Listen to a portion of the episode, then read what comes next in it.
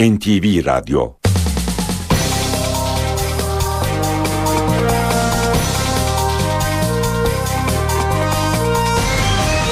İşe Giderken Mutlu sabahlar. Ben Aynur Altunkaş. Bugün 16 Temmuz Salı işe giderkenle karşınızdayız. Saat 9'a kadar Türkiye ve dünya gündemindeki gelişmeleri, gazete manşetlerini, piyasa verilerini, yol ve hava durumlarını aktaracağız. Önce gündemin öne çıkan başlıkları. Mısır'ın başkenti Kahire gergin. Ramses Meydanı'nda gösteri yapan devrik Cumhurbaşkanı Muhammed Mursi destekçilerine asker ve polis müdahale etti. Çok sayıda yaralı var. Amerika Dışişleri Bakanlığı Yardımcısı William Burns de darbe yönetimiyle görüştü.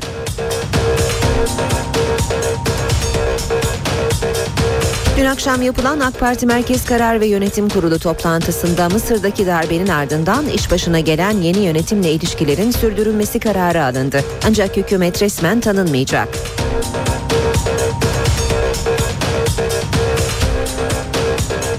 Türkiye ile Mısır arasında ilk üst düzey temas da gerçekleşti. Cumhurbaşkanı Gül, Mısır'ın Ankara Büyükelçisi Selahattin'le görüştü. Büyükelçi Selahattin, Cumhurbaşkanı Gül'e Mısır'ın yeni yol haritası hakkında bilgi verdi. Cumhurbaşkanı Gül ise devlet lider Muhammed Mursi'nin derhal serbest bırakılmasını istedi. Balyoz davasında temiz süreci Yargıtay'da başladı. İlk duruşma dün yapıldı. 404 sayfalık ortak savunma metni okunmaya başlandı. Duruşmalar cuma hariç hafta içi her gün saat 9'da başlayacak.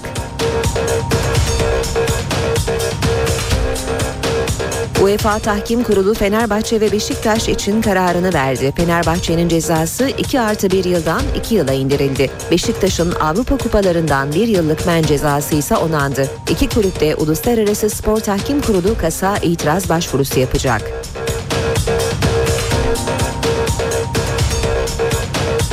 Avrupa Birliği Bakanı Egemen Bağış'ın dün akşamki iftar yemeğinde bakanlık çalışanlarına yaptığı veda konuşması akıllara bakanlık görevini bırakarak İstanbul Büyükşehir Belediye Başkanlığı'na aday olacağına ilişkin iddiaları getirdi. Bağış, partim bana nerede hangi görevi verirse en iyi şekilde yapmaya çalışırım dedi. Eskişehir'de Gezi Parkı eylemleri sırasında Ali İsmail Korkmaz'ın ölümüne neden olduğu iddiasıyla gözaltına alınan zanlı adli kontrol şartıyla serbest bırakıldı. Olayla ilgili iki kişi daha aranıyor. Korkmaz ailesi saldırganlar arasında polisler de vardı diyor. İzmir'de gezi olaylarında gözaltına alınan 13 kişiden 11'i mahkemede tutuklandı.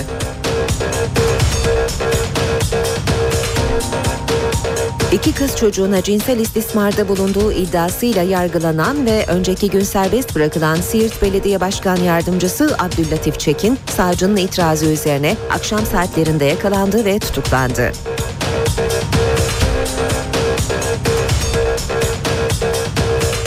Diyanet İşleri Başkanlığı Suudi Arabistan'ın Kabe çevresindeki genişletme çalışmalarını gerekçe göstererek vize vermediği 16 bin umre adayının ücretlerini iade edecek.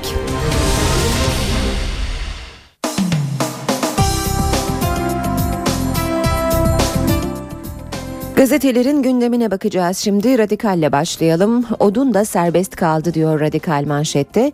Palalı'dan sonra Sopalı da serbest. Ali Osman Korkmaz'ın dövülerek öldürülmesine karıştığı iddiasıyla yakalanan SK tutuklanmadı. Gerekçe Korkmaz'a vurduğu belli değil. Otobüs şoförü SK sopayı yolda karşılaştığı göstericilerden kaptığını iddia etti. Korkmaz'ın dövüldüğü sokağa gittiğini belirten SK, meşe odunuyla yarım saat polislerin yanında beklediğini belirtti belirtti. Bir tanık polislerle bu sivil vatandaşın gelip geçenlere vurduğunu anlattı. Mahkeme yurt dışı yasağı koyarak SK'yi tahliye etti. Korkmaz'ın öldürülmesine ilişkin ikinci bir tanığın ifadesi de alındı. O gece balkonda olan biteni izlediğini anlatan tanık, sokaktan vurmayın öldüm sesleri geldiğini, 4 sivil ve 3 resmi polisi copla gördüğünü belirtti. Devam edelim basın özetlerine işe giderken de radikalden sonra milliyete bakalım. Utandırıcı indirim diyor milliyet manşette. Siirt'te dört kıza cinsel istismarda bulunmakla suçlanan okul müdür yardımcısına indirimli ceza uygulandığı ortaya çıktı. Siirt'te yöneticisi olduğu okuldaki küçük kızlara cinsel istismarda bulunan ve mahkemenin 46 yılla cezalandırdığı Fahrettin K'nin cezasında skandal indirimler yapıldı. Mahkeme Fahrettin K'ye iki kız için toplam 15 yıl 7 ay 15'er gün ceza verdi. Bu cezayı belirlerken Türk Ceza Kanunu'nda beden ve ruh sağlığının bozulduğu hallerde en az 15 yıl ifadesinin bulunmasına rağmen en az cezayı uyguladı. Balyoz'da alfabetik savunma gerginliği diyor yine Milliyet. Emekli generaller Çetin Doğan, İbrahim Fırtına ve Özden Örneğin 20'şer yıl hapse mahkum edildiği 361 sanıklı balyoz davasının temiz duruşması Yargıtay 9. Ceza Dairesi'nde başladı. Savunma sırasının avukatların soyadına göre alfabetik olarak yapılması kararı tartışma yarattı. Usul gereği sanıkların katılamadığı duruşmada ilk savunmayı yapan avukat Kazım Yiğit Akalın, dijital delillerin sahteliği ve soruşturmanın savunmanın eksik yürütüldüğü tezleri üzerinde durdu. Akalı'nın savunmasını beğenen daire başkanı Ertuğrul, ses tonunuz ve vurgularınız çok etkileyici dedi. Ali İsmail'i döven o değil. Eskişehir'de Ali İsmail Korkmaz'ın 5-6 kişinin sopalı coplu saldırısı sonucu ölmesine ilişkin soruşturmada otobüs şoförü SK'nin gözaltına alındığını belirtiyor Milliyet gazetesi de. Ancak olayı baştan sona gören tanık bu kişinin Korkmaz'ı değil başka protestocuları dövdüğünü anlattı. Abi Gürkan Korkmaz da asıl suçluları gizlemesinler dedi. SK ise ifadesinde elinde odunla polisin yanında durduğunu ama kimseyi dövmediğini iddia etti. SK serbest kaldı kaldı. UEFA'dan kara haber. UEFA Tahkim Kurulu itirazları reddetti. Fenerbahçe ve Beşiktaş Avrupa dışı kaldı. UEFA Tahkim Kurulu siyah beyazlıların bu sezon Avrupa Ligi'ne katılmaya uygun olmadığını bildirdi. Fenerbahçe'nin itirazını kısmen kabul eden Tahkim Kurulu Sarı lacivertlilerin iki sezon Avrupa kupalarından çıkarıldığını vurguladı. Fener'in artı bir cezası ise kaldırıldı. Kararın üç gerekçesi var. İbrahim Akın'ın iki dosyada da bulunması, dava sürerken sporda şiddeti önleme yasasında yapılan değişiklik ve disiplin talimatındaki düzenlemeler. Fenerbahçe'nin 19 Temmuz'da yapılacak Avrupa Kupaları kura çekimi öncesinde Uluslararası Spor Tahkim Mahkemesi'ne başvuracağı ve yürütmeyi durdurma kararı isteyeceği belirtildi. Beşiktaş'ın da Fenerbahçelilerle birlikte aynı yolu izleyeceği tahmin ediliyor. Geçelim Hürriyet'e. Hürriyet'te son umut kas demiş. UEFA Tahkim Kurulu itirazları reddetti. Fenerbahçe 2, Beşiktaş ise 1 yıl Avrupa kupalarında olmayacak. İmzayı kim attı? Eski Ankara Resim Heykel Müzesi Müdürü Ömer Gündoğdu savcılığa suç duyurusunda bulundu. Görevden alınma onayında eski bakan Ertuğrul Günay'ın imzası taklit edildi. Ertuğrul Günay ise gerekli incelemeler yapıldıktan sonra gerçek ortaya çıkacaktır. Tahrifat yapıldıysa ortaya çıkar dedi. Devam ediyoruz basın özetlerine işe giderken de. Evet biz 7 kişilik örgütüz. Beyoğlu'nda bayrak satarken gezi eylemcisi diye tutuklanan Ali Sarıçiçek'in eşi Merhamet Sarıçiçek isyan etti. 40 senedir bayrakçılıkla geçimimizi sağlıyoruz. Kazlı Çeşme'de de eşim bayrak sattı. Tamam benim kocam örgüt kurdu 5 tane çocuğum var biz 7 kişilik örgütüz dedi. Sabah gazetesiyle devam edelim. Sabahta Binlerce bedende hayata dönecek diyor manşet. Kanserin pençesinde son günlerini yaşayan Zuher Kaya 2,5 milyon liralık servetini okul yapılması için memleketine bağışladı. Almanya'da 2 yıldır kanser tedavisi gören ve doktorların sayılı günün kaldı dediği 72 yaşındaki Zuher Kaya memleketi olan Ordu'nun valisi Kenan Çiftçi'yi hastaneye çağırarak 50 yıllık birikimi olan 958 bin euroyu okul yapılması için bağışladı. Ayrıca Mesudiye'de Ankara'daki hastane içinde 186 bin lira ambulans parası verdi. Pistlerde deprem diyor sabah. 100 metrenin iki kralına 4 yıl ceza geliyor. Gay ve Powell ilk olarak gelecek ay Dünya Atletizm Şampiyonası'ndan men edildi. Geçelim Cumhuriyet Gazetesi'ne. Bu nasıl kinmiş diyor Cumhuriyet manşette. Gezi direnişçileri aynı koğuşa konuldukları tecavüzcülerin, katillerin baskısı altında. Tutuklanan direnişçiler siyasilerin değil, katiller ve tecavüzcülerin bulunduğu ağır cezalık adli mahkumların koğuşuna yerleştirildi. Neden tutuklandıklarını gizlemek zorunda kalan direnişçilere zorla oruç tutturuluyor, uyurken yatakları altlarından çekiliyor, gece nöbetine mecbur bırakılıyor, bulaşık temizlik gibi işleri yapmak zorunda kalıyorlar. Mektup hakkını bile kullanamıyor olmayan tutukluların siyasi mahkumların yanına taşınma istemine de yanıt yok demiş Cumhuriyet gazetesi haberinde. Bir başka başlık balyoz davasının temiz duruşması gergin başladı. Silivri'den farkı yok. Balyoz davasının temiz duruşması yoğun güvenlik önlemleri altında Yargıtay 9. Ceza Dairesi'nde başladı. Savunma sırasını mahkemenin belirlemesi ve daire başkanı Ertuğrul'un sesini yükseltmesi avukatların tepkisini çekti. Ortak temiz dilekçesini okuyan avukat Akalın kararın bozulmasını isterken dünyanın en büyük dijital sahtekarlığını burada gördük dedi. Duruşmayı izleyen CHP'li Tezcan ve sanık yakınları heyetin ön yargıyla başladığını ileri sürdü. Habertürk'le devam edelim. Habertürk'te korkunç itiraflar diyor sürmanşet. Siirt'te başkan yardımcısı tutuklandı. Siirt'te 13 ve 17 yaşındaki kız kardeşleri taciz eden belediye başkan yardımcısı Abdüllatif Çekin'in erzak götürüp kızların annesi S.A. ile ilişkiye giriyordum dediği öğrenildi. Yakalandı bırakıldı. Habertürk'ün manşeti Eskişehir'de Ali İsmail'i öldüren dayaktan gözaltına alınan otobüs şoförü alkollüydüm vurdum dedi. 48 madde krizi bir başka başlık AKP ve MHP arasındaki 48 madde krizi sürdü. MHP'li Oktay Vural 51 vekil kirli ve pis pazarlıkları deşifre ettiğinden bize saldırıyorlar dedi. Akşamla devam edelim. Barade'ye one minute diyor akşam manşette. Başbakandan darbecilere ders. Mısır'da askeri yönetimin Cumhurbaşkanı yardımcılığına getirdiği Baradey, Erdoğan'dan görüşme talebinde bulundu. Ancak Erdoğan kendimizi kullandırtmayız diyerek isteği geri çevirdi. Bir diğer başlık CHP ve MHP'ye 48 madde teklifi. Şöyle devam ediyor haber. AK Parti MKYK'da anayasa için yeni bir hamle kararı da çıktı. Başbakan Erdoğan komisyonda uzlaşılan 48 maddenin teklif halinde CHP ve MHP'ye götürülmesini istedi. Bu görev Genel Başkan Yardımcıları Mehmet Ali Şahin ile Hüseyin Çelik'e verildi. Erdoğan masadan kalkmayacağız bizim millete taahhüdümüz var mesajı verdi. Sırada Zaman Gazetesi var. Zamanda manşet birçok kız arkadaşım hala okuma yazma bilmiyor. SBS'nin Şırnaklı şampiyonu Adalet Binici'nin açıklamaları. Cuma günü açıklanan SBS'de en anlamlı başarı Silopi'den geldi. Mütevazı bir ailenin 5 çocuğundan biri olan Adalet Binici bütün soruları doğru cevaplayarak Türkiye'nin en seçkin öğrencileri arasına girdi. 3 odalı bir evde yaşayan, özel çalışma odası olmayan Adalet, başarısıyla bölgenin gururu oldu ve azimle neler başarılı olabileceğini bir kez daha gösterdi. Ve Yeni Şafak diyor e, Yeni Şafak'ta manşet 35 düştü karışma. Darbelere gerekçe gösterilen 35. madde ilk kez karargahın önünde uygulandı. Balyoz davasının ilk temiz duruşması sürerken bir grup emekli asker Genelkurmay'ın önünde duran adam eylemi yaptı. Eylemciler görevli askerlerin uyarılarına 35. madde düştü karışamazsınız karşılığını verdi.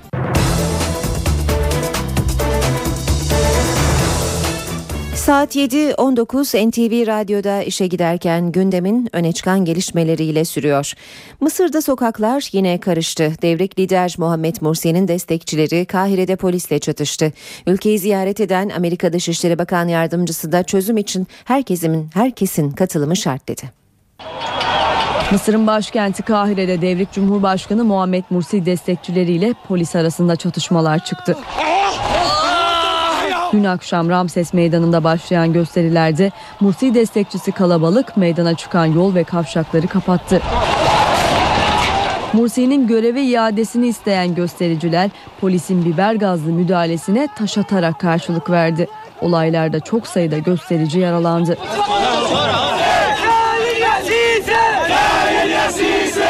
Müslüman Kardeşler grubunun siyasi kanadı Adalet ve Özgürlükler Partisi'nin başkan yardımcısı Esem Eryan şiddetten kaçınma çağrısı yaptı.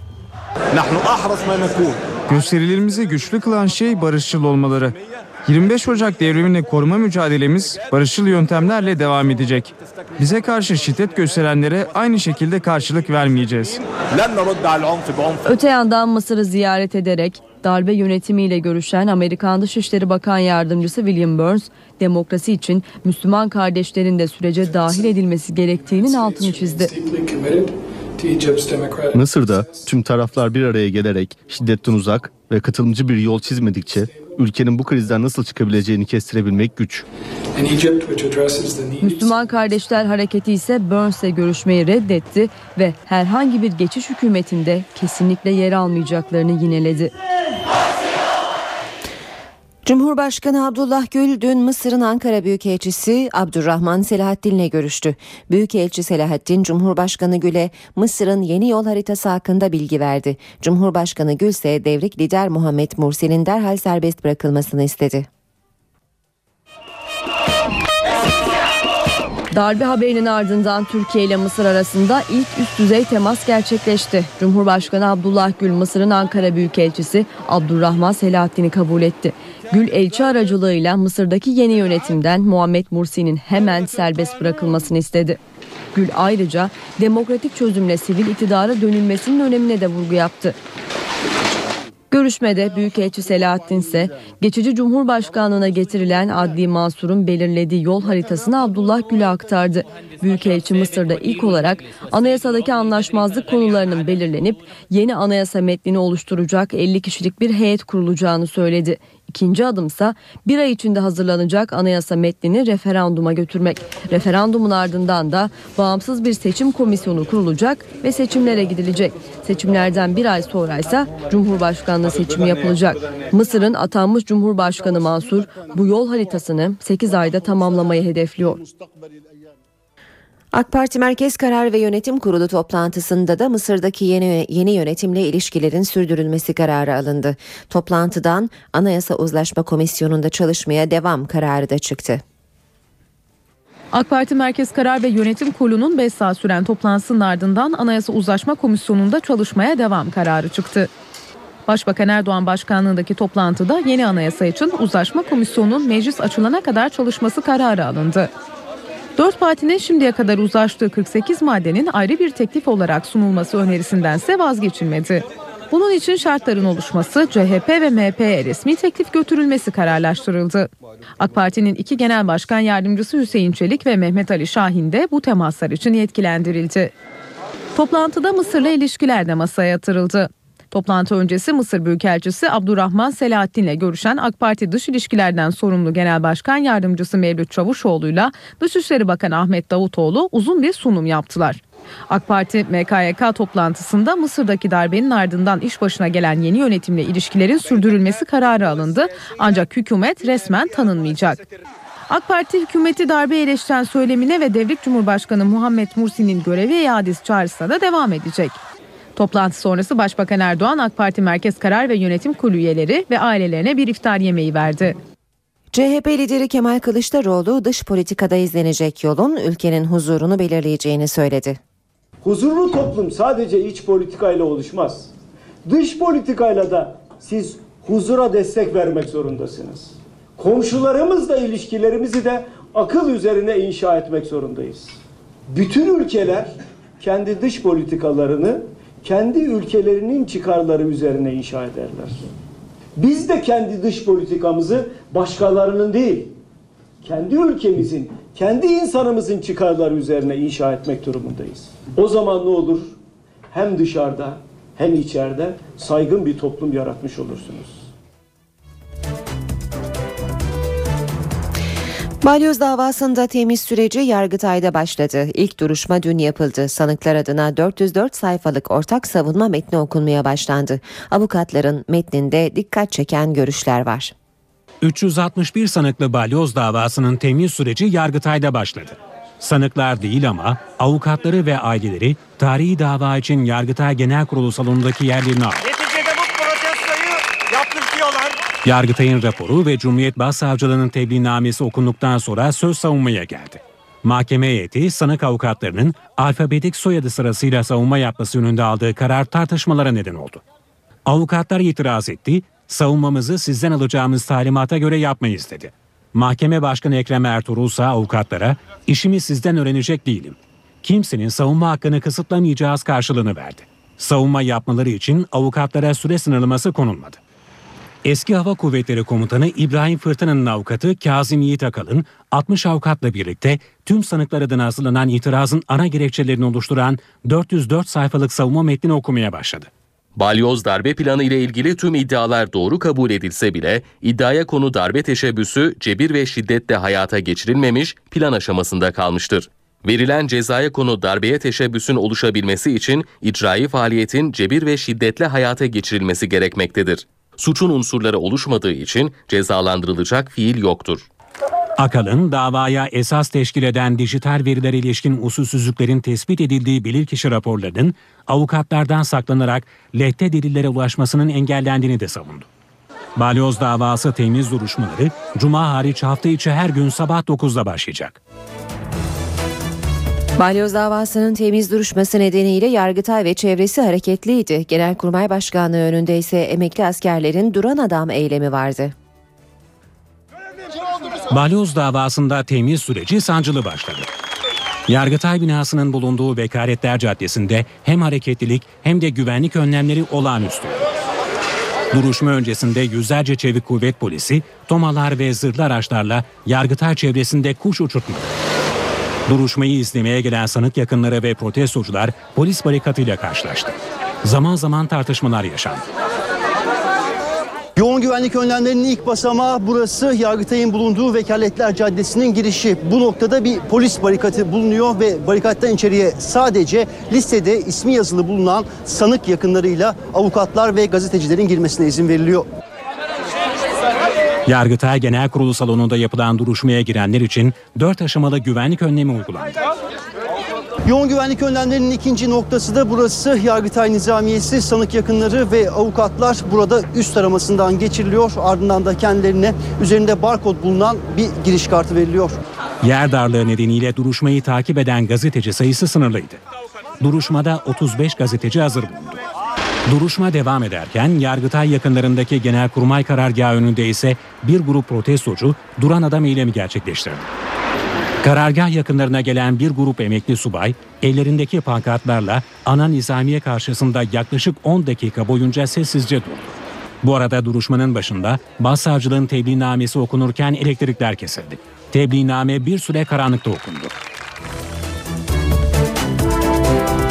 Danıştay'da başkan yine seçilemedi. Hüseyin Karakullukçu'nun yaş haddinden emekliye ayrılmasından sonra başkanlık için genel kurul iki kez toplanmış ancak aday çıkmadığı için seçim yapılamamıştı. Sonra aday çıktı ama o tek aday yani Zerrin Güngör dünkü seçimde salt çoğunluğa ulaşamadı. Seçimler perşembe günü tekrarlanacak. Türkiye'de ilk kez bir futbol maçında yaşanan olay Anayasa Mahkemesi'ne başvuru konusu oldu. Fenerbahçeli futbolcu Emre Belözoğlu, Trabzonsporlu Zokora'nın kendisine attığı tekme nedeniyle yerel mahkemenin verdiği takipsizlik kararını bireysel başvuru hakkı çerçevesinde yüksek mahkemeye taşıdı. Emre Belözoğlu'nun avukatları aracılığıyla sunduğu başvuru dilekçesinde 6 Mayıs 2012 tarihinde oynanan maçta Trabzonspor futbolcusu Didier Zokora'nın kendisine kasten tekme atarak yaralanması yapılmasına neden olduğu belirtildi. Dilekçede Trabzon Cumhuriyet Başsavcılığına kamu davası açılması için başvuruda bulunulmasına rağmen takipsizlik kararı verildiğine dikkat çekildi. Dilekçede Anayasa Mahkemesi'nden yeniden soruşturma başlatılmasına karar verilmesi istendi. Belözoğlu ayrıca kendisine bir televizyon programında hakaret ettiğini öne sürdüğü Trabzonspor Kulübü'nün eski başkanı Sadri Şener için de bireysel başvuru hakkını kullandı.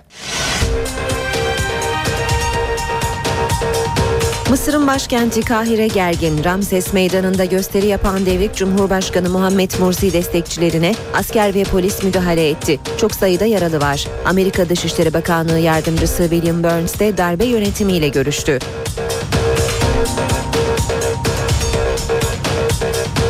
Akşam yapılan AK Parti Merkez Karar ve Yönetim Kurulu toplantısında Mısır'daki darbenin ardından iş başına gelen yeni yönetimle ilişkilerin sürdürülmesi kararı alındı. Ancak hükümet resmen tanınmayacak.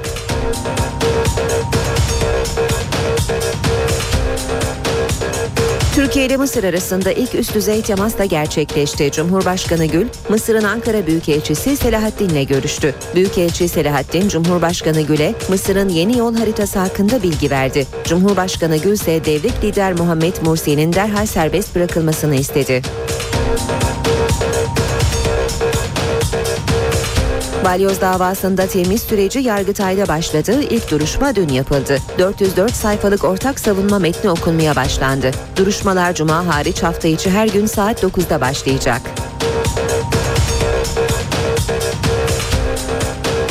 UEFA Tahkim Kurulu Fenerbahçe ve Beşiktaş için kararını verdi. Fenerbahçe'nin cezası 2 artı 1 yıldan 2 yıla indirildi. Beşiktaş'ın Avrupa Kupalarından bir yıllık men cezası ise onandı. İki kulüp de Uluslararası Spor Tahkim Kurulu kasa itiraz başvurusu yapacak.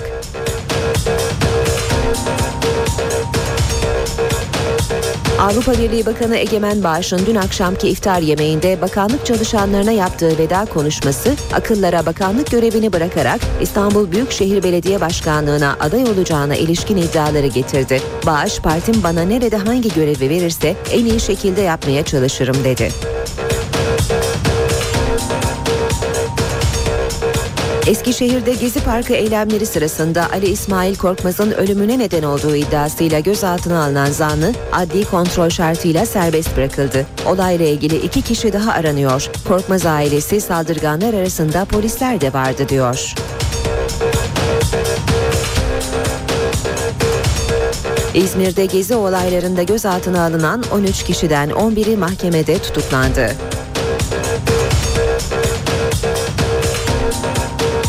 İki kız çocuğuna cinsel istismarda bulunduğu iddiasıyla yargılanan ve önceki gün serbest bırakılan Siirt Belediye Başkan Yardımcısı Abdüllatif Çekin, savcının itirazı üzerine akşam saatlerinde yakalandı ve tutuklandı.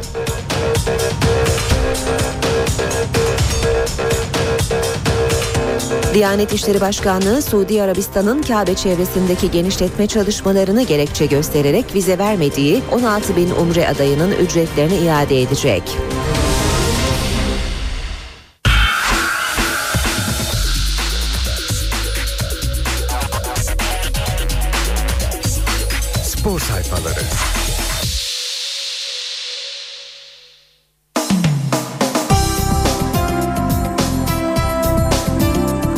UEFA Tahkim Kurulu'ndan Fenerbahçe ve Beşiktaş'a e, gelen cezalar, bu cezalara yapılan itirazlar sonucunda verilen yeni kararlar e, gazetelerin spor sayfalarında gündem.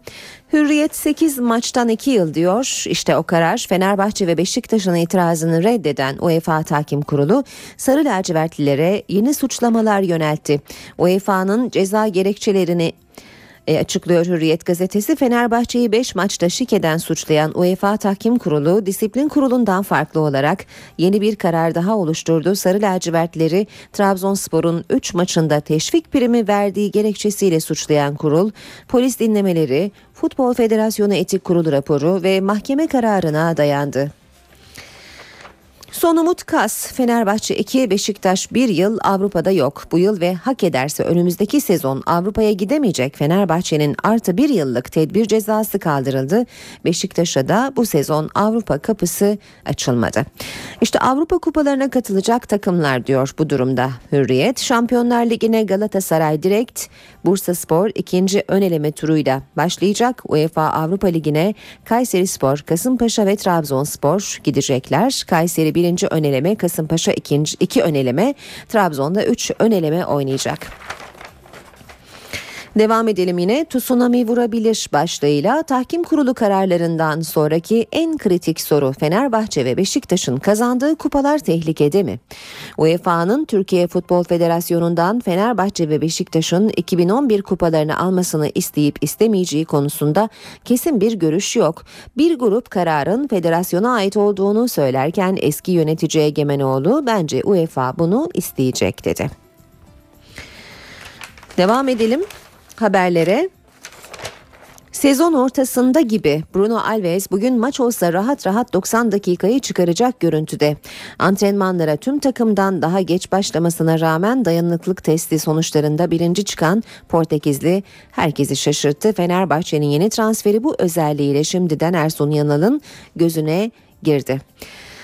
Emre Zokora ve Şener için Anayasa Mahkemesi'ne gitti. Az önce e, ayrıntılı haberlerde aktarmıştık. Anayasa Mahkemesi'ne bireysel başvuru hakkını kullanan Fenerbahçeli futbolcu Emre Belözoğlu'nun haberini. İmparator'dan 6 emir Galatasaray cephesine bakıyoruz. Fatih Terim yeni sezonun felsefesini dünkü idmanda netleştirdi. Rakip alanda sürekli baskı yapacaksınız. Hızlı hücum ve kontrataklar sonucu getirecek. Oyunu ileride rakip alanda oynayacaksınız. Sakin olun top bizde kalsın macera aramayın. Defans hep hazır olmalı adımını, adamınızı unutmayın. Topu kanatlara indirin, boş alanlar yaratın. Antrenmana sık sık keserek uyarılarda bulunan Galatasaray Teknik Direktörü geçen yıllarda başarıyı getiren baskılı futbolu daha geniş, geliştireceklerini belirtti.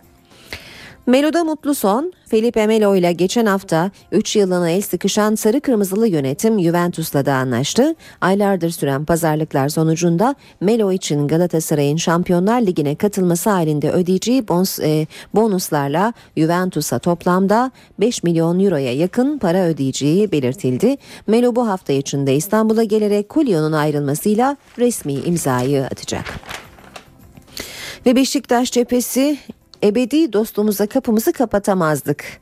Kasımpaşa yönetimi siyah beyazlı takımı sahalarında ağırlamaya sıcak bakıyor. Lacivert Beyazlı Kulübün başkanı, başkan vekili Hilmi Öksüz sahamızın bakımda olduğu 2010-2011 sezonunda onlar bize kucak açmıştı. Dört maçımızı İnönü'de oynadık şimdi sıra bizde dedi.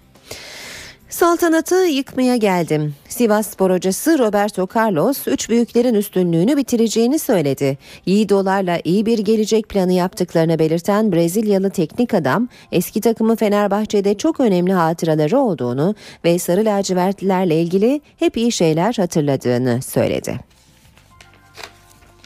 Türkiye'de rahat edemiyorum. Madrid'de çok mutlu olduğunu ama Galatasaray sevgisinin çok farklı olduğunu ifade eden Arda Turan yine de Şampiyonlar Ligi'nde karşılaşırsak elimden gelenin en iyisini yaparım dedi. Hürriyet gazetesinin spor sayfalarından aktardık. Geçelim Milliyet'e. UEFA Disiplin Kurulu'ndan gelen cezalara Fenerbahçe ve Beşiktaş'ın UEFA Tahkim Kurulu'nda yaptığı itiraz ve Tahkim Kurulu'ndan bu itirazlara e, gelen cevaplar yine Milliyet gazetesinde de genişçe yer buluyor. İbrahim Akın yaktı başlığını görüyoruz önce. Tahkim kurulu itirazları kabul etmedi. Türk futbolu şoka girdi.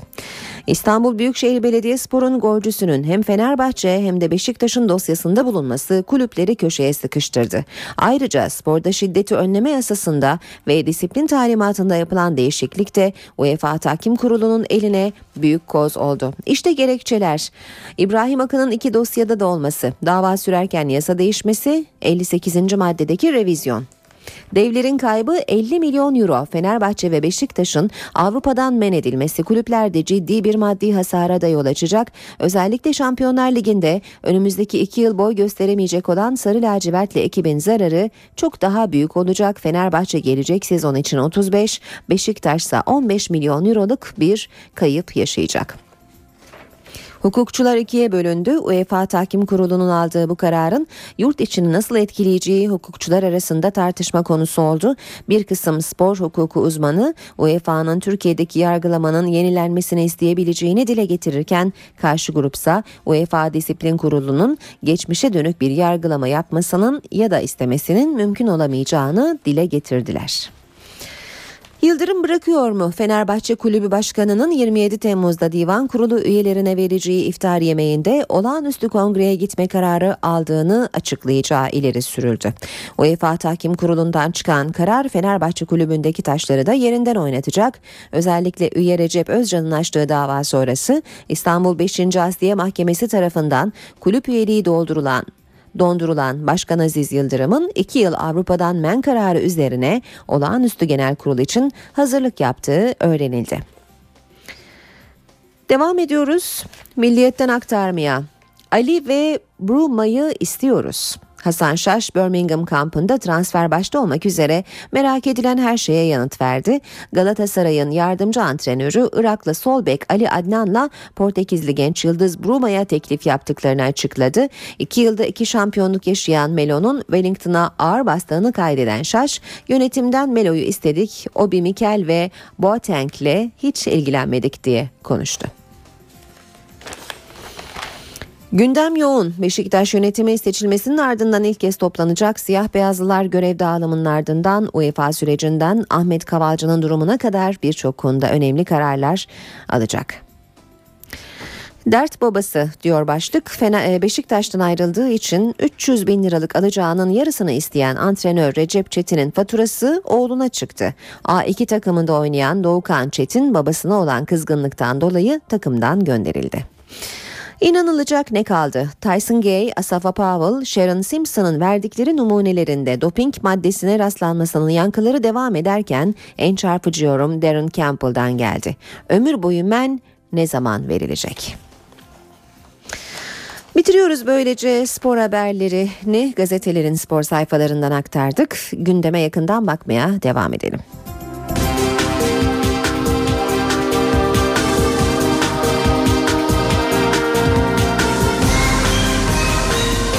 İşe giderken. Eskişehir'de Gezi Parkı eylemleri sırasında Ali İsmail Korkmaz'ın ölümüne neden olduğu iddiasıyla gözaltına alınan zanlı adli kontrol şartıyla serbest bırakıldı. Korkmaz'ın öldürülmesi olayıyla ilgili iki kişi daha aranıyor. 19 yaşındaki Ali İsmail Korkmaz'ın ölümüne neden olduğu iddiasıyla gözaltına alınan zanlı serbest bırakıldı. Eskişehir Emniyeti saldırının olduğu bölgedeki iki iş yerine ait güvenlik kamerası görüntülerini inceledi. Kimliği belirlenen şüpheli gözaltına alındı. Nöbetçi mahkemeye sevk edilen zanlı yurt dışına çıkış yasağı ve adli kontrol şartıyla serbest kaldı. Cumhuriyet Başsavcılığı'nın açıklamasına göre zanlının gözaltına alınmasına neden olan görüntüler sosyal medyadan alındı. Açıklamada görüntüler bize hala iletilmedi denilmesi dikkat çekti. Korkmaz'ın öldürülmesi olayıyla ilgili iki kişi daha aranıyor. Korkmaz ailesi saldırganlar arasında polis yok iddialarına tepkili. Bize günah keçisi vermesinler, bize failleri versinler. Bize bunlara destek olanları versinler. Bize vatandaşların yanında Ali İsmail'e vuran polisleri versinler. Birkaç saniyelik video kasetinde bir tane polis yani e, görünüyordu. E, maskeli, joplu, silahlı yani resmi elbiseli polis görünüyordu bu olayın içinde. Polislerin de olduğu kesin ve eğer e, siviller varsa polislerin koruması altındadır.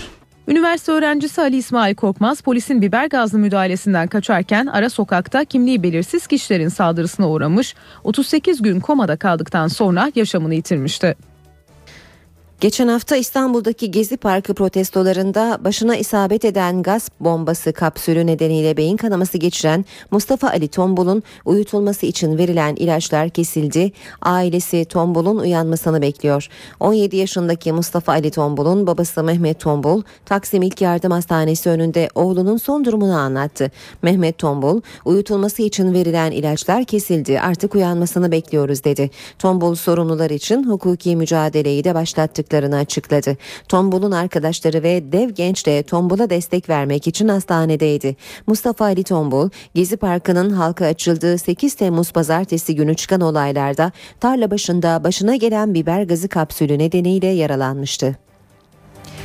İzmir'de gezi olaylarında gözaltına alınan 13 kişiden 11'i mahkemede tutuklandı. Dün adliyeye sevk edilen 15 kişiden ikisi savcılık sorgusunun ardından serbest bırakıldı. Savcı 13 kişiyi ise terör örgütü üyesi oldukları, halkı galeyana getirdikleri ve kamu binalarına zarar verdikleri gerekçesiyle mahkemeye sevk etti.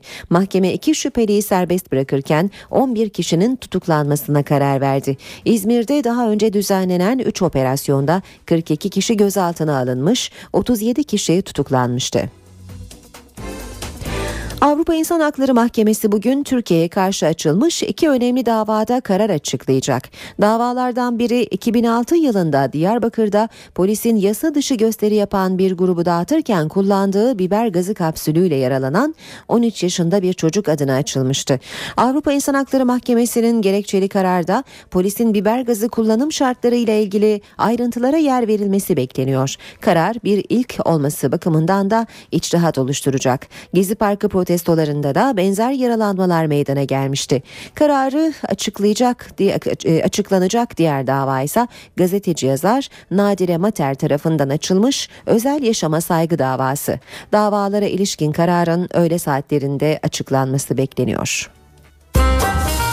İşe giderken Avrupa Birliği Bakanı Egemen Bağış dün iftar yemeğinde yaptığı ve veda olarak yorumlanan konuşmasına Twitter aracılığıyla açıklık getirdi. Bağış tüm çalışma arkadaşlarımızı eşleriyle ağırlarken helalleştik veda ediyoruz sanmışlar görevimizin başındayız ifadelerini kullandı. İki kız çocuğuna cinsel istismarda bulunduğu iddiasıyla yargılanan ve önce serbest bırakılan Siirt Belediye Başkan Yardımcısı Abdüllatif Çekin akşam saatlerinde yakalandı ve tutuklandı. Siirt Cumhuriyet Savcısı Mutlu Bulut Asliye Ceza Mahkemesi'ne başvurarak serbest bırakılan Abdüllatif Çekin'in tutuklanmasını istedi. Talep kabul edildi. Abdüllatif Çekin'le ilgili soruşturmada mahkeme gizlilik kararı da verdi. İki kız kardeşe cinsel istismarda bulunmakla suçlanan Çekin'e BDP de tepki göstermiş, partiden ihraç edilmesine karar verilmişti. Biri 13, diğeri 17 yaşında olan iki kız kardeş Sosyal Hizmetler İl Müdürlüğü tarafından koruma altına alınmıştı. NTV Radyo İşe giderkenden bir kez daha günaydın. Ben Aynur Altunkaş. Yeni saate Gökhan Abur'la hava durumunu konuşarak başlayacağız ama önce gündemin başlıklarını hatırlatalım. Mısır'ın başkenti Kahire gergin. Ramses Meydanı'nda gösteri yapan devrik Cumhurbaşkanı Muhammed Mursi destekçilerine asker ve polis müdahale etti. Çok sayıda yaralı var. Amerika Dışişleri Bakanlığı Yardımcısı William Burns de darbe yönetimiyle görüştü.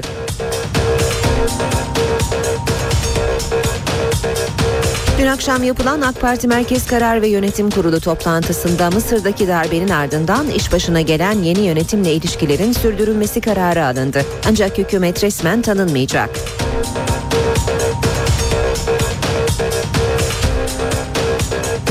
Türkiye ile Mısır arasında ilk üst düzey temas da gerçekleşti. Cumhurbaşkanı Gül, Mısır'ın Ankara Büyükelçisi Selahattin'le görüştü. Büyükelçi Selahattin, Cumhurbaşkanı Gül'e Mısır'ın yeni yol haritası hakkında bilgi verdi. Cumhurbaşkanı Gül ise devlet lider Muhammed Mursi'nin derhal serbest bırakılmasını istedi. Balyoz davasında temiz süreci Yargıtay'da başladı. İlk duruşma dün yapıldı. 404 sayfalık ortak savunma metni okunmaya başlandı. Duruşmalar cuma hariç hafta içi her gün saat 9'da başlayacak.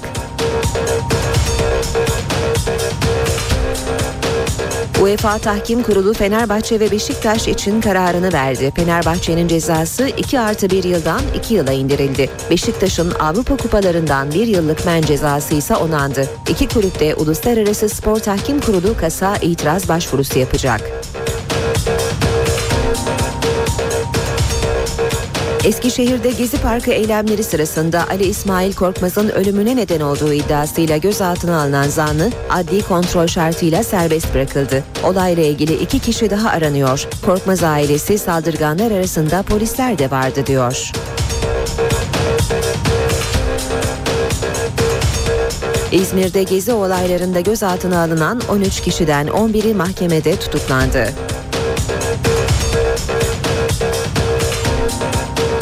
İki kız çocuğuna cinsel istismarda bulunduğu iddiasıyla yargılanan ve önceki gün serbest bırakılan Siirt Belediye Başkan Yardımcısı Abdüllatif Çekin, savcının itirazı üzerine akşam saatlerinde yakalandı ve tutuklandı.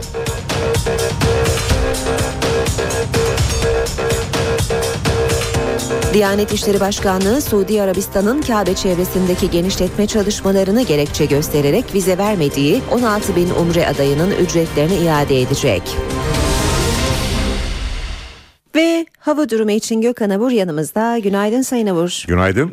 Şimdi yurdun bazı bölgelerinde yağış bekleniyor ama çeşitli bilgi kirlilikleri de söz konusu. Biz sizden doğrusunu öğrenelim. Bugün nerelerde yağış bekliyoruz? Ee, daha çok yağışlar iç kesimlerde yani göller bölgesi dediğimiz e, Isparta Burdur'da başlayıp ki dün Isparta'da da kuvvetli yağışlar vardı. Aynı şekilde Eskişehir, Ankara üzerinden Çorum e, ve oradan Karabük, Bolu, Kastamonu arasındaki ve Sinop'a kadar olan bölgede gün içinde yağışlar aralıklara devam edecek. Ankara'da da yağış var. Yağışlar Ankara'da da e, aralıklarla yer yer kısa süreli sağanaklar şeklinde etkili olacak ki biz bugünkü yağışların özellikle Karabük, Kastamonu ve Burdur, Isparta, Afyonkarahisar arasında çok daha kuvvetli olmasını bekliyoruz. Evet akşam saatlerinde e, ma, e, Trakya'da bir bulutlanma var. Bu bulutlanma havanın serinlemesiyle birlikte özellikle Edirne Kırklareli arasında hafif yağış bırakabilir. Doğuda ise Rize, Artvin, Ardahan arasındaki Kars da dahil buna o bölgede çok kısa süreli yağışlar görülecek. Yarın Antalya'nın kuzey kesimleri yine göller bölgesi Afyonkarahisar, Eskişehir, Ankara, Çankırı arasındaki yerel yağışlar aralıklarla devam edecek.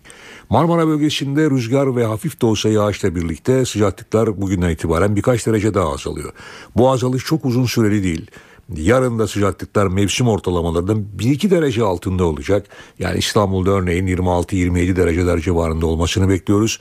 Bugün için Poyraz sert, yarın da Poyraz sert esmeye devam edecek ama uzun süreli değil demiştim çünkü haftanın ikinci yarısı özellikle hafta sonu Marmara bölgesinde sıcaklıkların yeniden hissedilir derecede yükselmesini bekliyoruz. Bugün için Güney Ege'de yine Bodrum ve civarında öğle saatlerine itibaren zaman zaman fırtınaya yakın boyutlara çıkabilecek karayel yönlü rüzgar var. 50 kilometre civarında esmesini bekliyoruz. Güneyde ise Akdeniz boyunca önemli bir yağış yok ama özellikle Antalya'dan başlayarak bölgedeki nem oranı yine yüksek. Doğu ve Güneydoğu'da ise yüksek sıcaklıklar bugün de etkisini sürdürmeye devam edecek. Evet böyle bir hava bizi bugün bekliyor bugün ve yarın için. Evet. Kimi yerlerde çok sıcak, kimi yerlerde Evet. rüzgarlı ve üstelik de Yerlerde yağış uyarısı da var. yağışların etkili olacağı bir gün. Evet teşekkür Ben ediyoruz. teşekkür ediyorum. İşe giderken gazetelerin gündemi.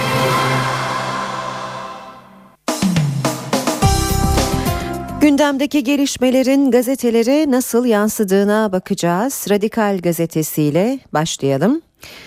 Radikal gazetesinde manşet Odun da serbest kaldı. Palalı'dan sonra Sopalı da serbest. Ali Osman Korkmaz'ın dövülerek öldürülmesine karıştığı iddiasıyla yakalanan SK tutuklanmadı. Gerekçe Korkmaz'a vurduğu belli değil. Otobüs şoförü SK sopayı yolda karşılaştığı göstericilerden kaptığını iddia etti. Korkmaz'ın dövüldüğü sokağa gittiğini belirten SK, meşe odunuyla yarım saat polislerin yanında beklediğini belirtti. Bir tanık polislerle bu sivil vatandaşın gelip geçenlere vurduğunu anlattı. Mahkeme yurt dışı yasağı koyarak SK'yi tahliye etti. Korkmaz'ın öldürülmesine ilişkin ikinci bir tanığın ifadesi alındı. O gece balkonda olan biteni izlediğini anlatan tanık, sokaktan vurmayın öldüm sesleri geldiğini, 4 sivil ve 3 resmi polisi copla gördüğünü belirtti. Devam edelim e, gazetelere. Milliyete bakalım. Utandırıcı indirim diyor Milliyet manşetinde. Siirt'te dört kıza cinsel istismarda bulunmakla suçlanan okul müdür yardımcısına indirimli ceza uygulandığı ortaya çıktı. Siirt'te yöneticisi olduğu okuldaki küçük kızlara cinsel istismarda bulunan ve mahkemenin 46 yılla cezalandırdığı Fahrettin K'nin cezasında skandal indirimler yapıldı. Mahkeme Fahrettin K'ye iki kız için toplam 15 yıl 7 ay 15'er gün ceza verdi. Bu cezayı belirlerken Türk Ceza Kanunu'nda beden ve ruh sağlığının bozulduğu hallerde en az 15 yıl ifadesinin bulunmasına rağmen en az cezayı uyguladı. Yine milliyetten aktarmaya devam edelim. Balyoz'da alfabetik savunma gerginliği. Emekli orgeneraller Çetin Doğan, İbrahim Fırtına ve Özden Örneğin 20'şer yıl hapse mahkum edildiği 361 sanıklı balyoz davasının temiz duruşması Yargıtay 9. Ceza Dairesi'nde başladı. Savunma sırasının avukatların soyadına göre alfabetik olarak yapılması kararı tartışma yarattı. Usul gereği sanıkların katılamadığı duruşmada ilk savunmayı yapan avukat Kazım Yiğit Akalın, dijital delillerin sahteliği ve soruşturmanın eksik yürütüldüğü tezleri üzerinde durdu. Akalın'ın savunmasını beğenen daire başkanı Ertuğrul, ses tonunuz ve vurgularınız çok etkileyici dedi. Yine Milliyet'ten okuyalım. Ali İsmail'i döven o değil. Eskişehir'de Ali İsmail Korkmaz'ın 5-6 kişinin sopalı coplu saldırısı sonucu ölmesine ilişkin soruşturmada otobüs şoförü SK gözaltına alındı. Ancak olayı baştan sona gören tanık bu kişinin Korkmaz'ı değil başka protestocuları dövdüğünü anlattı. Abi Gürkan Korkmaz da asıl suçluları gizlemesinler dedi. SK ise ifadesinde elinde odunla polisin yanında durduğunu ama kimseyi dövmediğini iddia etti. SK serbest kaldı. Geçiyoruz Cumhuriyet gazetesine. Bu nasıl kinmiş diyor Cumhuriyet manşette. Gezi direnişçileri aynı koğuşa konuldukları tecavüzcülerin, katillerin baskısı altında. Tutuklanan direnişçiler siyasilerin değil, katiller ve teca- tecavüzcülerin bulunduğu ağır cezalık adli mahkumların koğuşuna yerleştirildi. Neden tutuklandıklarını gizlemek zorunda kalan direnişçilere zorla oruç tutturuluyor, uyurken yatakları altlarından çekiliyor, gece nöbetine mecbur bırakılıyor, bulaşık temizlik gibi işleri yapmak zorunda kalıyorlar. Mektup hakkını bile kullanamayan tutukluların siyasi mahkumların yanına taşınma istemine de yanıt yok diyor Cumhuriyet haberinde.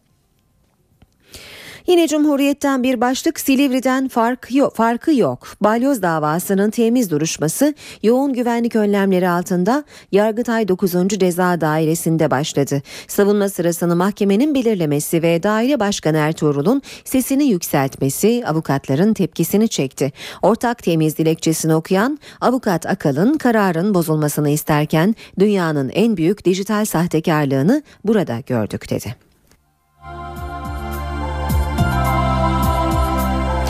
Devam ediyoruz basın özetlerine. Sırada Hürriyet var. İmzayı kim attı diyor Hürriyet manşetinde. Eski Ankara Resim Heykel Müzesi Müdürü Ömer Gündoğdu savcılığa suç duyurusunda bulundu. Görevden alınma onayında eski Bakan Ertuğrul Günay'ın imzası taklit edildi.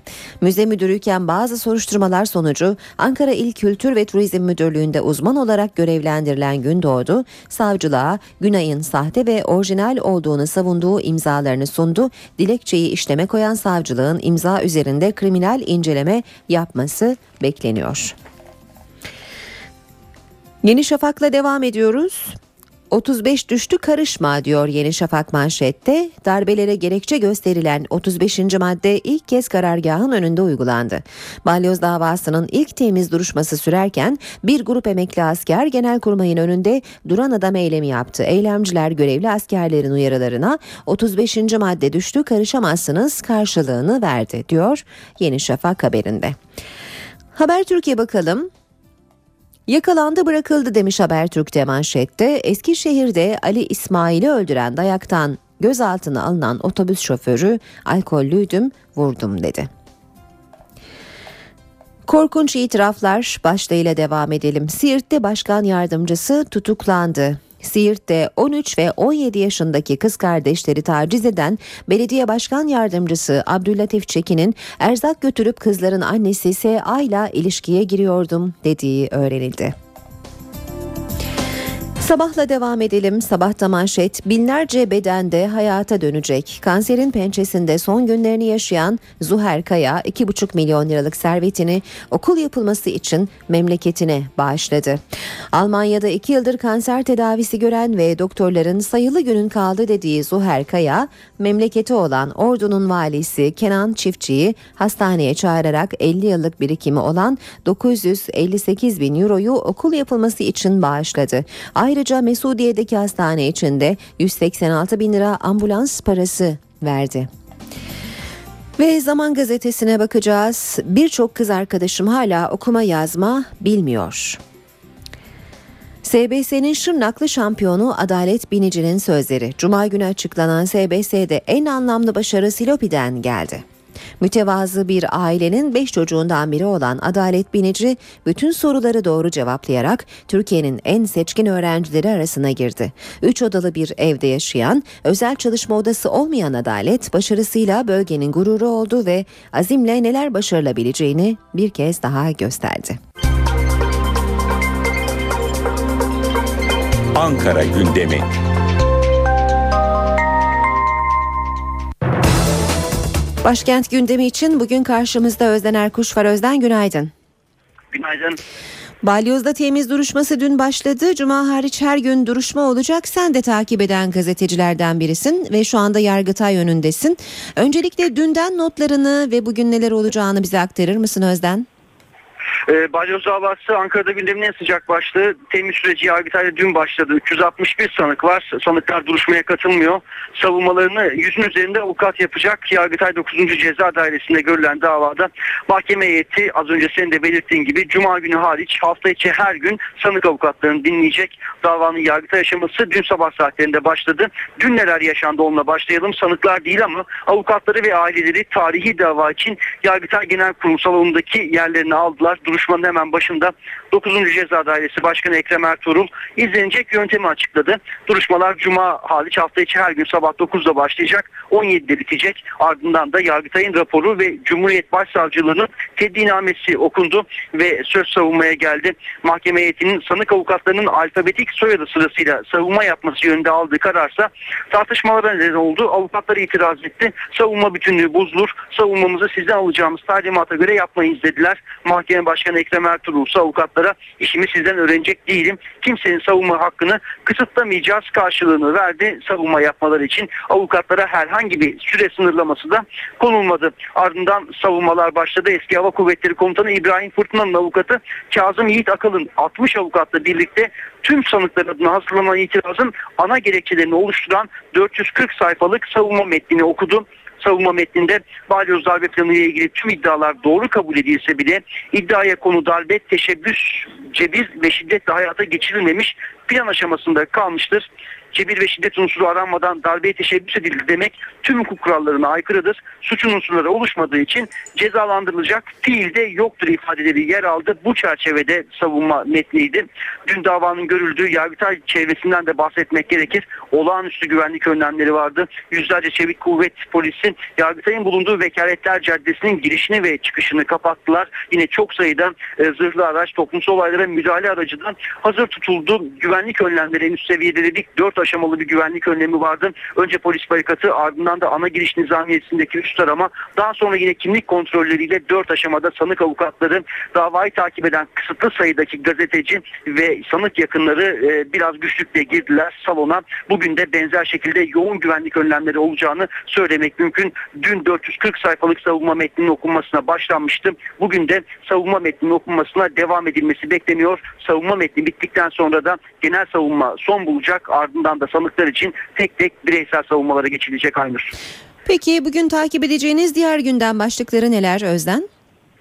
Ee, Türkiye Büyük Millet Meclisi cumartesi günü çalışmalarına ara vermişti. Meclis Başkanı Cemil Çiçek bugün kameraların karşısına geçecek ve 24. dönem 3. yasama yılı faaliyetlerini değerlendirecek bir basın toplantısı düzenleyecek. Elbette anayasa çalışmaları gelinen nokta ve Türkiye gündemindeki konular yine bu toplantıda Cemil Çiçek'e sorulacak. Başbakan Erdoğan ise bugün şehit yakınları ve gaziler için düzenlenen bir iftar yemeğine katılacak. Programın ardından Başbakanın bir de konuşma yapması bekleniyor. Özellikle çözüm süreci ve çözüm süreci sürecinde gelinen noktayla Mısır'daki darbe konusunda vereceği mesajlar merakla bekleniyor. Başbakan Erdoğan'ın bugün müsiyatlı bir Ankara'da iftar programı düzenliyor. O programa da iki başbakan yardımcısı bir bakan katılacak. Başbakan yardımcıları Bülent Arınç ve Ali Babacan'la Orman ve Su İşleri Bakanı Veysel Eroğlu ve Gümrük ve Ticaret Bakanı Hayati Yazıcı bu iftar programına katılacak isimler arasında Ankara'dan son notumuz Alevi Kültür Dernekleri Başkan ve temsilcileri bugün Barış ve Demokrasi Partisi'ni ziyaret edecekler. Ziyaretin ardından bir basın toplantısı da düzenlenecek başkent Ankara'da. Gündemin ana hatları bu şekilde olacak ama sıcak nokta tıpkı dün olduğu gibi yine Yargıtay ve temiz davası olacak. Evet Özden teşekkür ediyoruz kolay gelsin.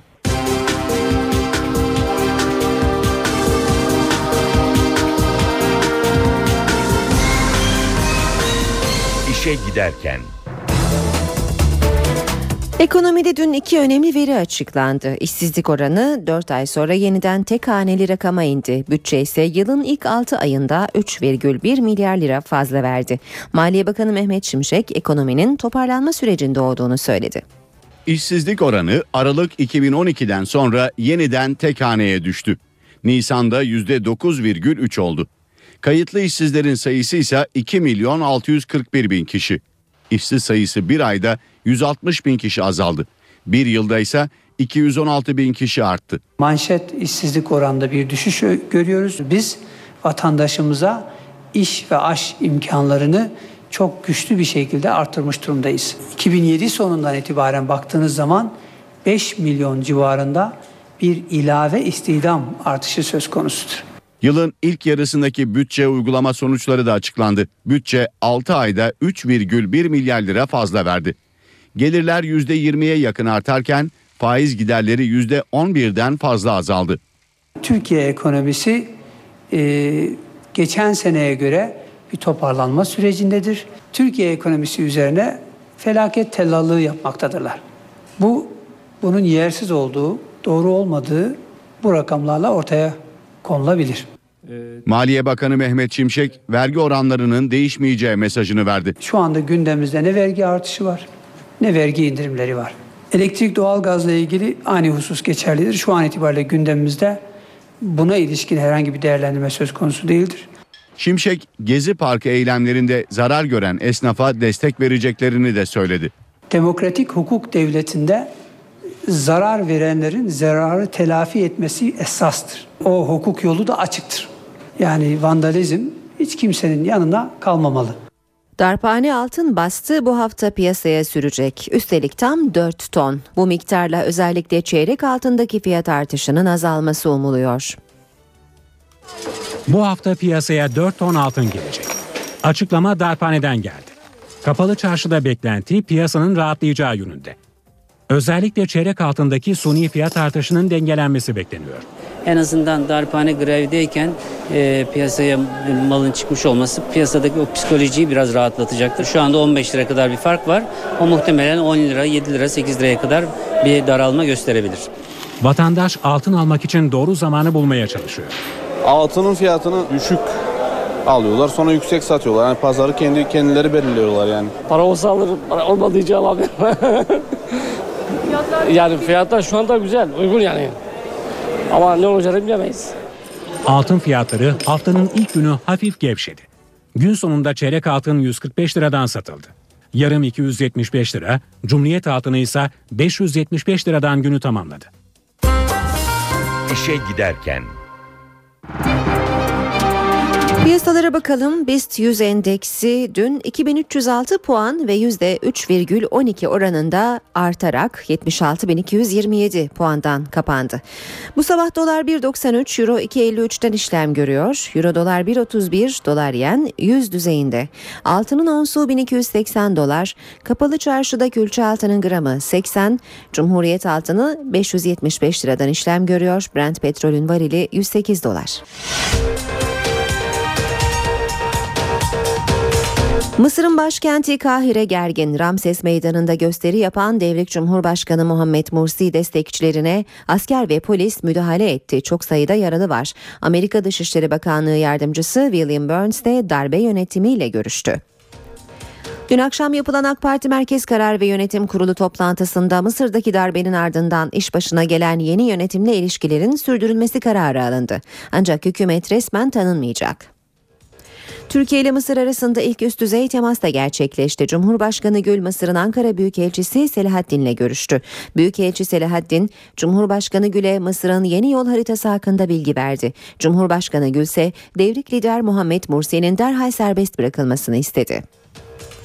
Eskişehir'de Gezi Parkı eylemleri sırasında Ali İsmail Korkmaz'ın ölümüne neden olduğu iddiasıyla gözaltına alınan zanlı adli kontrol şartıyla serbest bırakıldı. Olayla ilgili iki kişi daha aranıyor. Korkmaz ailesi saldırganlar arasında polisler de vardı diyor.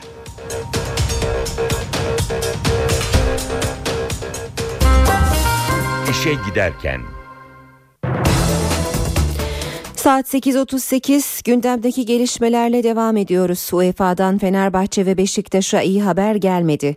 UEFA Tahkim Kurulu Fenerbahçe'ye verilen 2 artı 1 yıl Avrupa Kupalarından men cezasını 2 yıla düşürdü. Beşiktaş'ın 1 yıllık men cezası ise onandı. İki kulübün son umudu Uluslararası Spor Tahkim Kurulu KAS.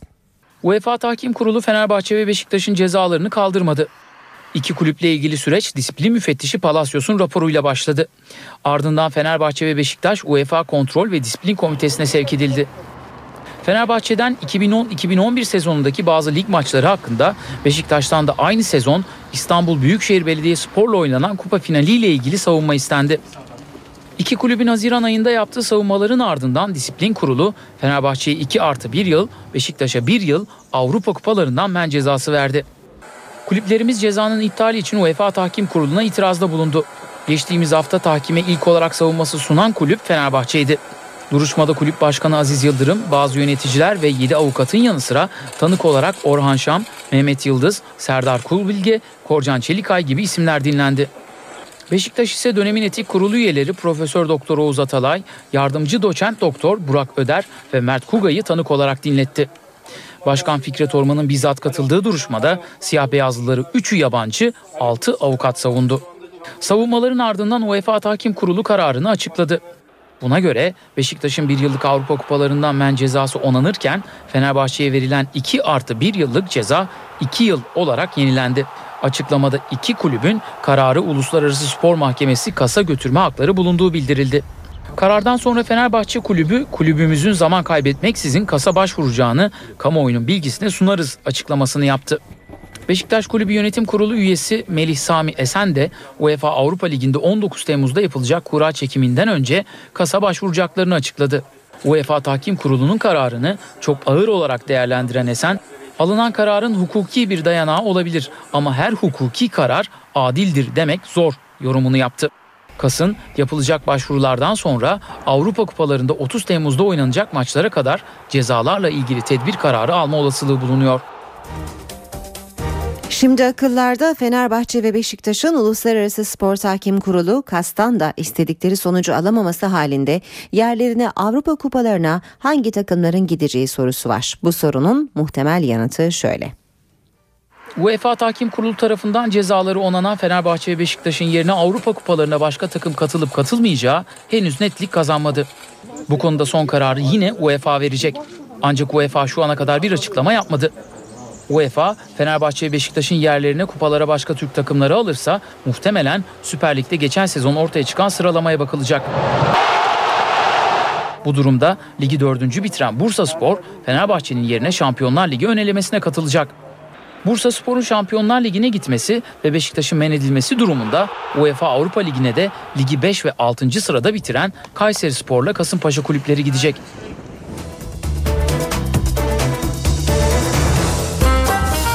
İşe giderken Dünya gündeminden sıcak bir gelişmeyle programımıza nokta koyalım. Amerika Birleşik Devletleri'nde 17 yaşındaki siyahi bir genci öldüren George Zimmerman'ın tahliye edilmesine tepkiler sürüyor. Kararı protesto edenler Los Angeles kenti sokaklarında zaman zaman şiddetle içeren gösteriler yapıyor.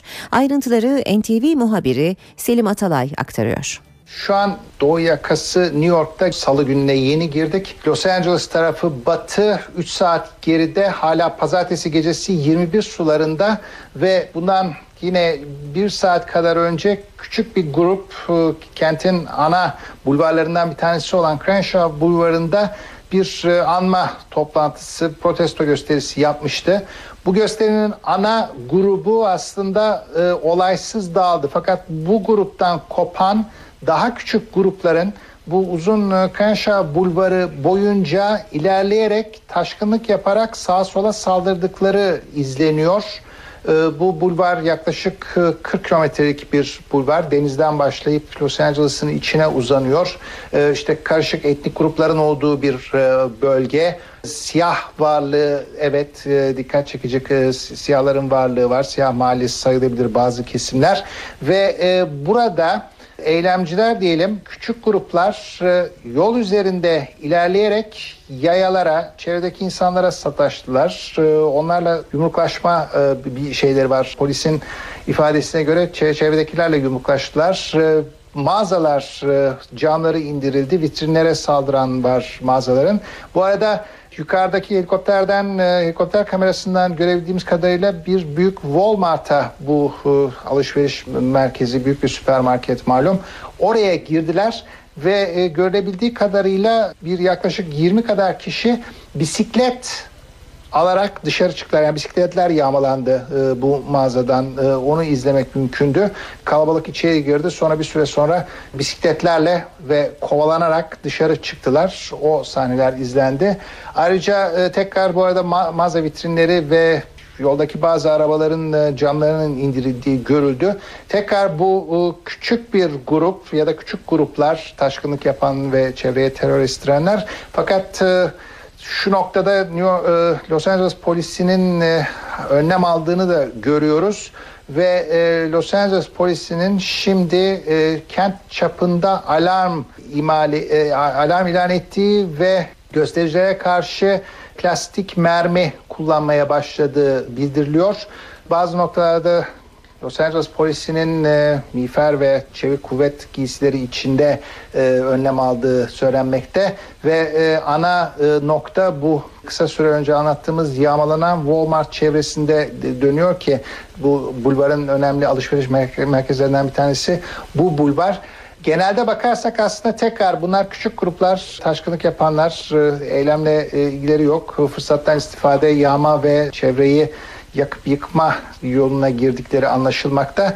Başka kentler kentlerde gün boyunca protestolar vardı. İşte e, meydanlarda küçük gruplar toplandı, gösteriler yapıldı ama bunlarda olay yoktu kayda değer. En çok Los Angeles'ın bu mahallesinin e, alevlendiği anlaşılıyor ve tekrar Walmart'ın yağmalanmakta olduğu yolunda flash ajans haberleri geliyor. Büyük bir Amerikan bayrağı yakılıyor diye vurgulandı. Bu Amerikan bayrağı yakma meselesi dün de vardı. Hemen kararın duyurulmasından sonra Oakland'da o da Kaliforniya yine Los Angeles'ın yakınında bir başka kent bölge. Orada da bir Amerikan bayrağı yakıldı. Bu Kaliforniya'ya mahsus bir protesto yöntemi. Fakat e, şu noktada yağma olayının ve Walmart'ın hedef alınmasının e, işi büyüteceği anlaşılıyor. Kent çapında alarm var. Kent çapında alarm deyince gerilim de var demektir. Los Angeles demek ki bu gece uzun bir gece yaşayacak. İşe giderken böylece sona eriyor. Saat başında gelişmelerle yeniden karşınızda olacağız. Editör masasında Safiye Kılıç, teknik masada Murat Çelik ve Emre Köseoğlu ve ben Aynur Altunkaş. Mutlu bir gün diliyoruz. Hoşçakalın. NTV Radyo